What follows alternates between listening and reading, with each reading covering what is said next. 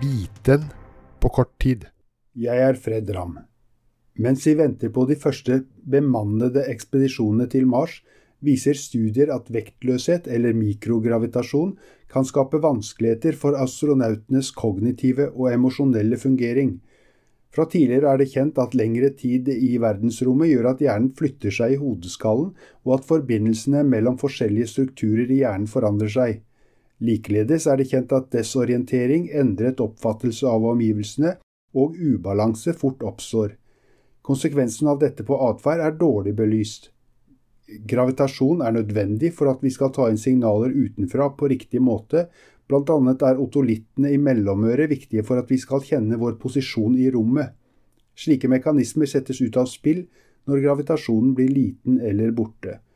En studie over 60 dager der mikrogravitasjon ble simulert ved at forsøkspersonene lå i en stilling med hodet litt lavere enn kroppen, viste at kognitiv fungering, definert som evne til å løse oppgaver, ble dårligere gjennom forsøksperioden. Evnen til å lese andres følelser ble også forandret og svekket.